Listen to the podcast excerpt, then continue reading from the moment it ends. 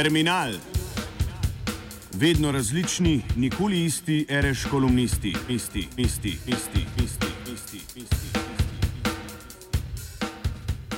Predlog zakona o spremembah minimalne plače v naslednjih letih je pričakovano povzročil burne odzive delodajalske strani. Gospodarska zbornica predlogo očita, da gre v proceduro mimo dogovora na ekonomsko-socialnem svetu, predvsem pa, da je enako nevaren, kot je bil pred letom dni. Z zvišanjem minimalne plače naj bi bili še manj zanimivi za tuje in domače bagatelje, pravijo. Nedvomno dviganje stroškov, tudi stroškov dela, poslabšuje dobičkonosnost podjetij, vseeno pa so tako katastrofična opozorila nepotrebna.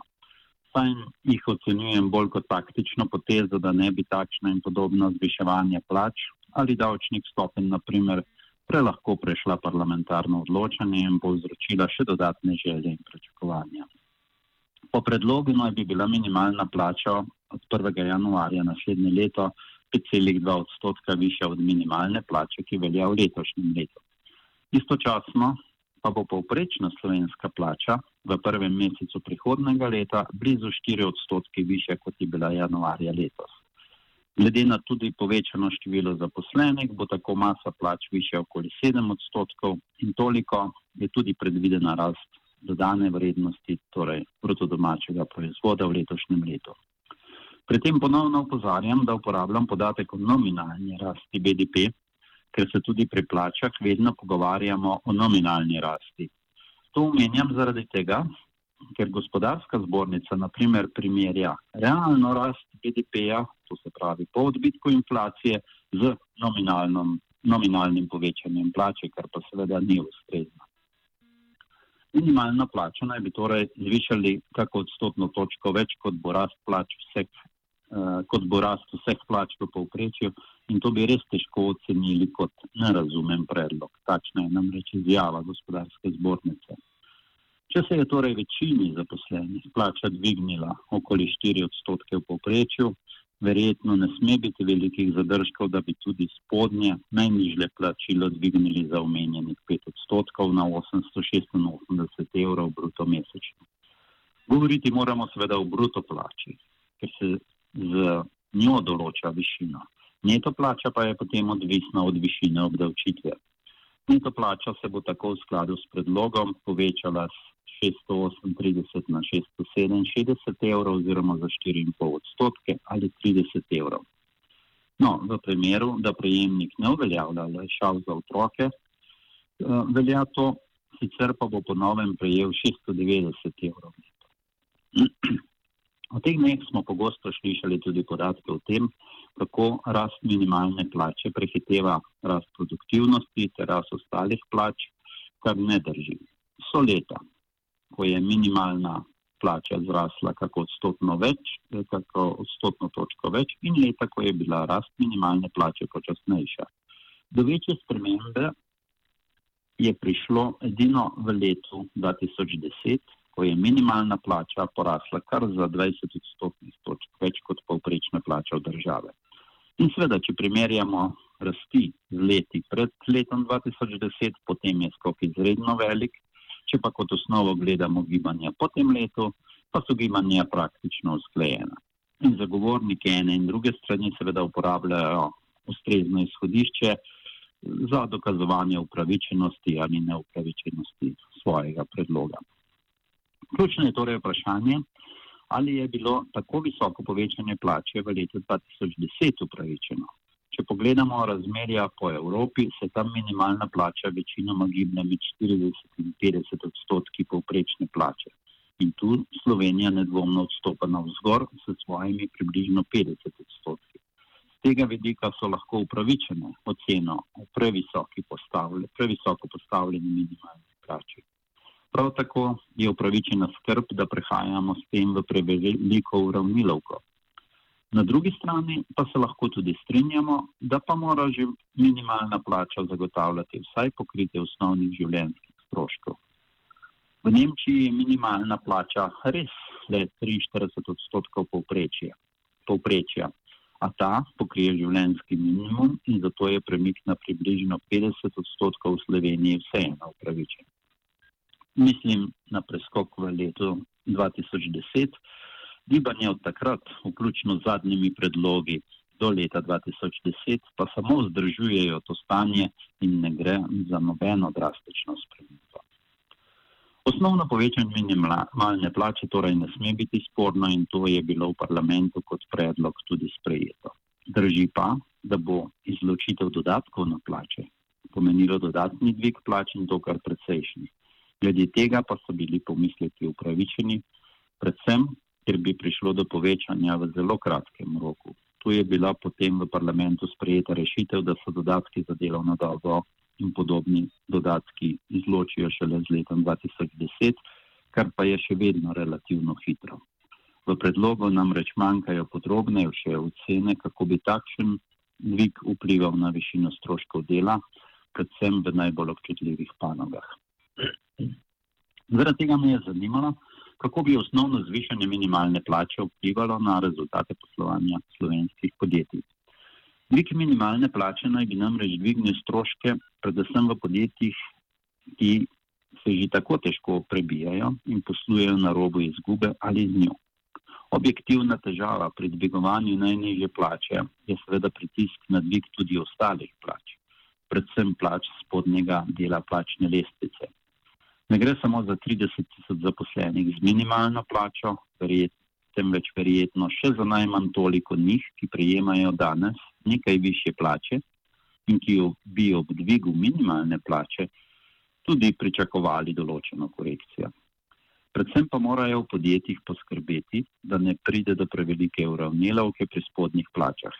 Zaradi vseh teh razlogov je seveda dvig plač ob popravku minimalne plače nekaj višji kot samo omenjenem številu zaposlenih z minimalno plačo. Vendar, kot rečeno, večini zaposlenih se je v letošnjem letu plača za nekaj odstotkov že dvignila in dvig minimalne plače pravzaprav samo sledi tekoči rasti. Zato poseg v minimalno plačo ne bo imel takšnega vpliva. Ne glede na to pa sem ocenil rezultate po podjetjih, če bi naprimer že v lanskem letu morala podjetja izplačevati 4,7 odstotkov višjo minimalno plačo. Seveda ni na voljo pregleda, koliko zaposlenih z minimalno plačo je bilo v posameznem podjetju in še manj, koliko zaposlenih s plačami nekoliko nad minimalno plačo a na osnovi podatkov o povprečni plači za vsak od 60 tisoč slovenskih podjetij lahko ocenimo tudi približno število tovrstnih zaposlenih. Podatki po podjetjih seveda niso točni v takšni analizi, vendar pa skupni seštevek kar ustreza dejanskim razmeram in zadošča za okvirno oceno učinka dviga minimalne plače. Simulacijo dviga, eh, vpliva dviga je možno narediti samo za podatke o poslovanju gospodarskih družb, torej podjetij, za katere se tudi zbirajo podrobnejši podatki. Ob tem pa je prav, da omenim še podatek, da je poleg približno 750 tisoč zaposlenih pri pravnih osebah v drugih oblikah zaposlitve zaposlenih še okoli 250 tisoč ljudi. To gre za samostojne podjetnike, zaposlene pri fizičnih osebah ter druge oblike zaposlitve. Njihovi prejemki so praviloma precej nižji in tudi manj pod nadzorom. Je pa res, da se v teh segmentih pogosto poslužujejo tudi drugih oblik izplačila.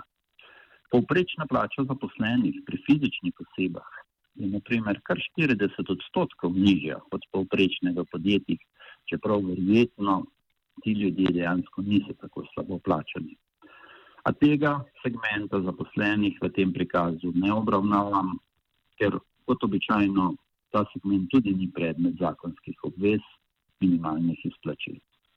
V izračunu sem tako predpostavil, da bi v lanskem letu 27 tisoč najnižje plačenih zaposlenih zvišali plačo za omenjenih 5%, dodatno pa bi v teh podjetjih enak znesek porabili še za dvig plač nekaterim ostalim slabše plačenim zaposlenim skupnega učinka oziroma dodatnih stroškov dela bi bilo ob naredenih predpostavkah za približno 35 milijonov evrov v vseh gospodarskih družbah skupaj. Izračuni so pokazali, da bi največji del dodatnih stroškov imela podjetja, ki poslujejo z dobičkom, a vpliv pri njih bi bil minimalen, praktično zanemrljiv. Na drugi strani pa imamo podjetja, ki zaposlujejo več kot desetino vseh zaposlenih, torej 550 tisoč, in že danes poslujejo z izgubo. Tudi pri njih povečanje minimalne plače nima večjega vpliva na rezultat. Je pa seveda odprto vprašanje usode teh podjetij, a ne zaradi minimalne plače, temveč zaradi poslovanja kot takšnega.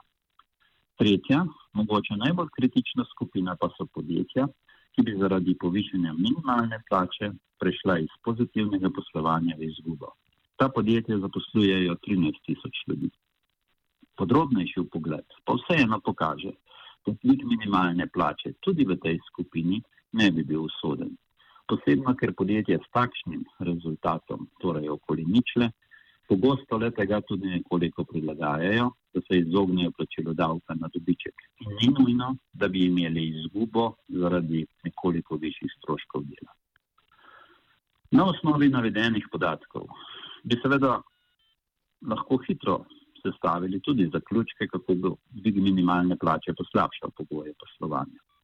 Veliko podjetij s precejšnjim številom zaposlenih se bo zaradi tega soočilo izgubo, za izgubo ali njenim dodatnim povečanjem.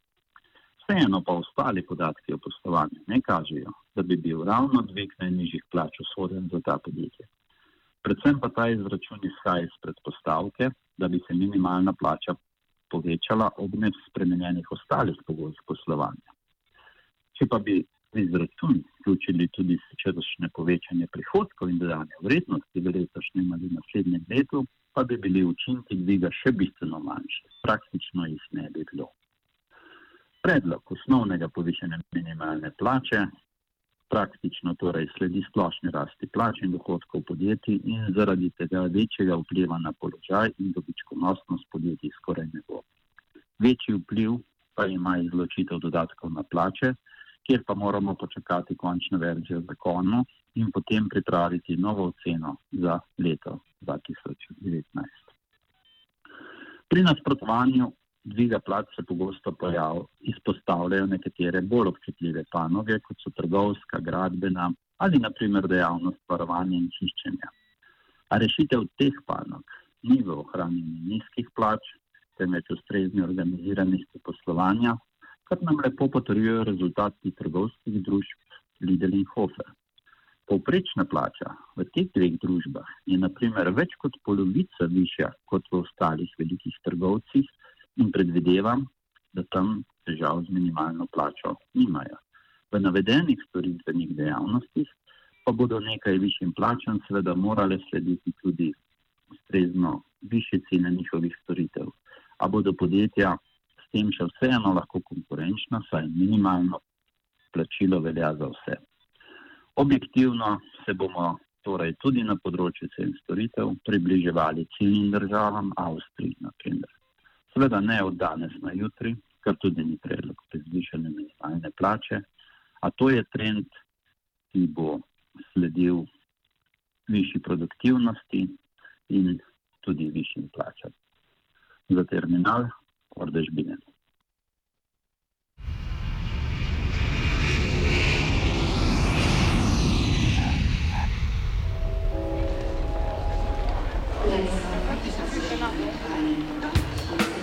Terminal. Vedno različni, nikoli isti, reš kolumnisti, isti, isti, isti, isti.